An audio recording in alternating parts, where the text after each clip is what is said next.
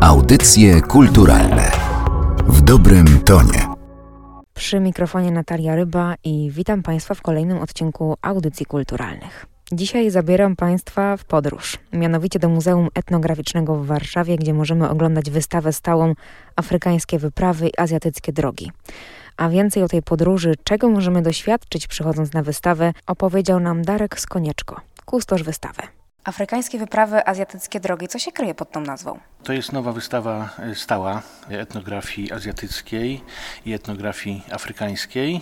Sama nazwa nawiązuje do drogi, o ile w części afrykańskiej odwołujemy się do wypraw, do, do podróży, do losów e, naszych rodaków w Afryce, e, to w części azjatyckiej chodzi bardziej o taką drogę duchową, drogę ku samodoskonaleniu się. Wakacje to jest taki okres podróży. Czy można powiedzieć, że tutaj w Muzeum Etnograficznym możemy doświadczyć takiej trochę podróży fizycznej? Jak najbardziej. Wystarczy tylko troszeczkę wyobraźni. Obserwując obiekty, które mamy w gablotach, a jest ich y, półtora tysiąca, możemy w jakiś sposób y, przenieść się w te dalekie i egzotyczne dla nas w sumie lądy. Zanim będziemy zgłębiać jakby opowieść o tej wystawie, to najpierw chciałabym zapytać, skąd te eksponaty znalazły się w muzeum i może bardziej jak to się stało, że te wyprawy eksploracyjne w tamte rejony w ogóle się odbywały w XIX wieku? Początek naszej kolekcji pozaeuropejskiej to jest rok 1889. Jest związany ze sobą pana Leopolda Janikowskiego, który był uczestnikiem pierwszej polskiej wyprawy do Afryki, gdzie wraz z Klemensem Tomczekiem i Stefanem Rogozińskim e, popłynęli do e, Afryki Zachodniej, konkretnie na tereny dzisiejszego Kamerunu. Tam eksplorowali interior, wrócili, e, i potem pan Leopold Janikowski pojechał jeszcze raz sam do Gabonu. Z tej wyprawy właśnie w 1889 roku przywiózł 1700 eksponatów i stworzył z nich pierwszą wystawę etnografii afrykańskiej w Warszawie.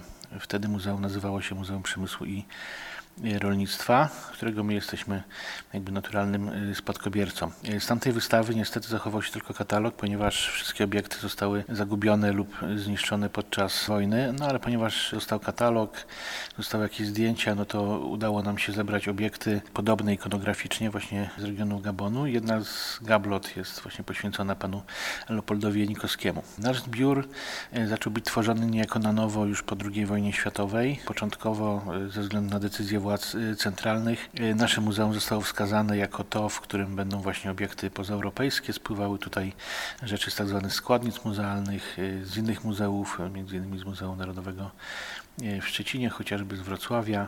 Już tak bardziej z rozmysłem kolekcja była tworzona od lat 50. Przychodziły tutaj zbiory chociażby od Wacława Korabiewicza, który penetrował Afrykę Wschodnią i ofiarował nam blisko 2000 obiektów. No i potem już kolejne zbiory są związane właśnie z pobytem naszych rodaków w Afryce. Oni jeździli na placówki, czasami darowali nam coś w darze, czasami sprzedawali. No i tak właśnie e, gromadziliśmy te obiekty.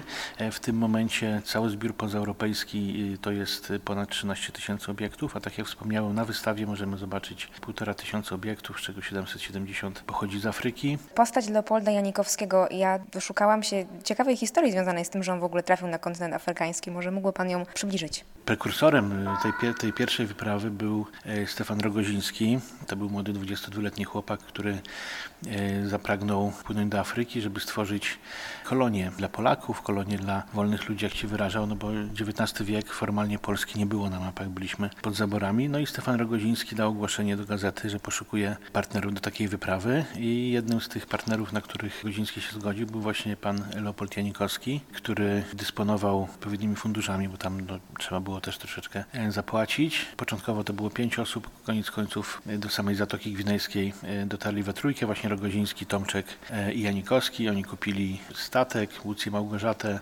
zaopatrzyli go, no i popłynęli. W 1883 roku wylądowali właśnie w Zatoce Ambas, pili tam wyspę, znaczy część wyspy w zasadzie Mondoli, na której założyli swoją bazę wypadową. No i przez kolejne dwa lata badali interior kameruński, no weszli w głąb tego interioru na około 100 kilometrów, co jak na wiek Było dosyć dużym wyczynem. Opisali dla Europejczyków jezioro Benedykta, jezioro Słoniowe.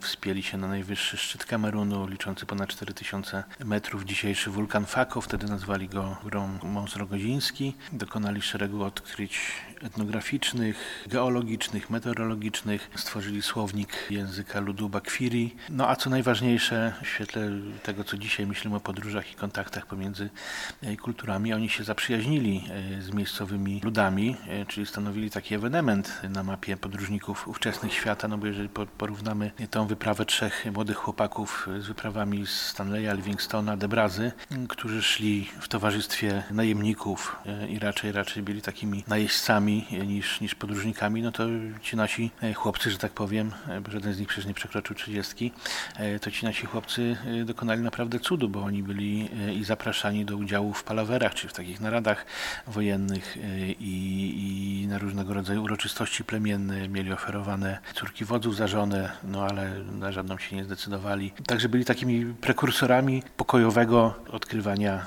świata przez Europejczyków. A czy myśli Pan, że oni na tamtym etapie odnaleźli jakieś wspólne mianowniki pomiędzy kulturą polską, którą znali, a tą, którą tam e, zaobserwowali? Znaczy myślę, że oni się starali sprowadzić do wspólnego mianownika, bo jednak te kultury są inne i oni działali na zasadzie współpracy. No, jedni uczyli się od drugich i na odwrót. To, co wiedzieli o świecie, starali się przekazać miejscowej ludności, a jednocześnie od krajowców uczyli się tego, w jaki sposób żyć w Afryce. No bo bez takiej wiedzy nie, tak naprawdę ciężko byłoby im się utrzymać. Znaczy, no i tak było ciężko, bo Klemens Tomczek zmarł na jedną czarną febrę podczas tej wyprawy. Nie, ale y, to zaowocowało też tym, że Leopold Janikowski, który drugi raz y, popłynął do Afryki, właśnie do Gabonu. Tam pracował w faktoriach handlowych. No miał różne historie, czasem e, przyjemne, czasem nieprzyjemne, ale koniec końców wrócił. Z jego relacji wiemy, że stworzył tam sobie bardzo wiele bardzo wiele przyjaźni również właśnie na zasadach współpracy. Z tej pierwszej wyprawy właśnie z Rogozińskim z tych doświadczeń skorzystał podczas swojej, swoje, swojego drugiego pobytu. Także też starał się mniej więcej przekazywać e, tą swoją wiedzę o odkrywaniu innych kultur naszym rodakom. Przenosząc się już teraz do drugiego elementu wystawy, czyli Azji, chciałabym zapytać o ten motyw przemieszczania się, który wydaje się bardzo ważny dla tej kultury, żeby Pan mógł go rozwinąć naszym słuchaczom.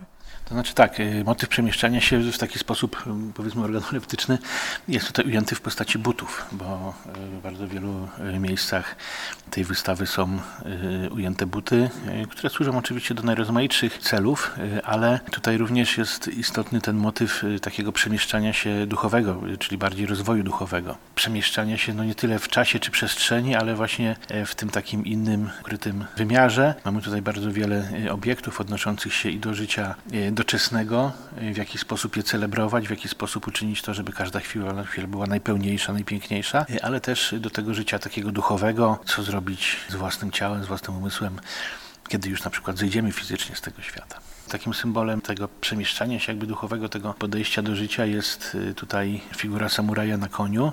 Jest to odniesienie do tego podstawowego znaczenia słowa samuraj, czyli samurao znaczy służyć Panu. Taka droga do doskonałości w swoim działaniu, a jednocześnie odniesienie do czasów y, dzisiejszych, czyli do śmierci z przepracowania, które y, w Japonii też jest w tym momencie, no jest takie pojęcie.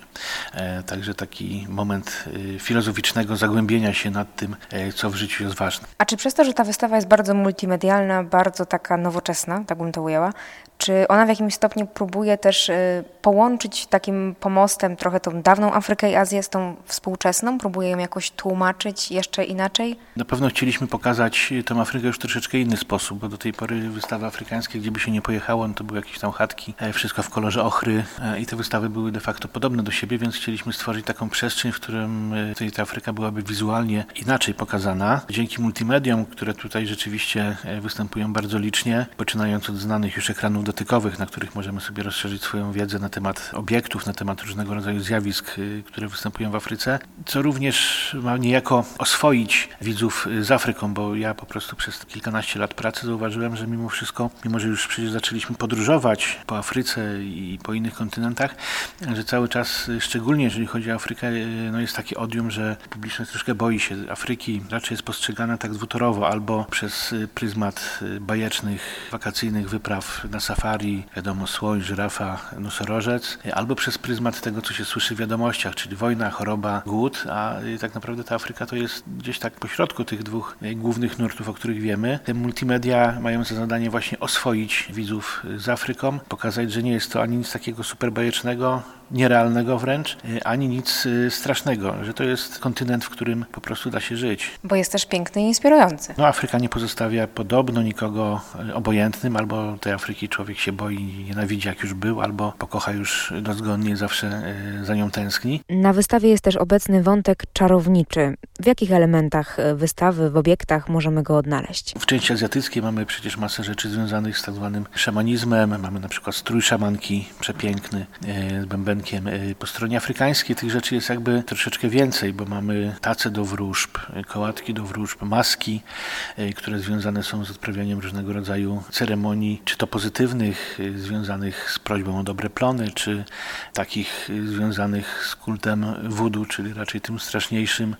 Figurki Nkishinkondi, tak zwane figurki mocy używane przez czarowników do również najrozmaitszych rzeczy, które wizualnie budzą pewien postrach, bo są naszpikowane gwoździami, kawałkami metali, ale po głębszym zastanowieniu się i uzyskaniu wiedzy, którą tutaj na wystawie można uzyskać, też dowiemy się, że no nie tylko do strasznych rzeczy takie figurki są używane, ale tak, ale te oba kontynenty cały czas przepojone są takim rodzajem mistycyzmu, rodzajem czegoś takiego, e, że nie jesteśmy tutaj na tej ziemi e, sami jako ludzie i nie ludzie, powiedzmy, ale że istnieją jeszcze jakieś e, byty ponadnaturalne. I chociażby do tego odnosi się, tutaj mamy taką instalację na antresoli, bo wystawa jest dwupiętrowa, w której w gablotach znajdują się, znajduje się 99 masek. To ma się odnosić do tego, że cały czas jesteśmy obserwowani przez różnego rodzaju właśnie byty ponadnaturalne, demony, chochliki, dobre i złe. I na koniec bardzo proszę, żeby Pan powiedział, dlaczego warto tę wystawę odwiedzić, bo bez wątpienia tak jest. Po pierwsze, ponieważ jestem historykiem sztuki, czyli zawodowym estetą, y, jest piękna wystawa. Po drugie, to jest przestrzeń, w której widzowie na pewno będą dobrze się czuli. Zapraszamy. Audycje kulturalne w dobrym tonie.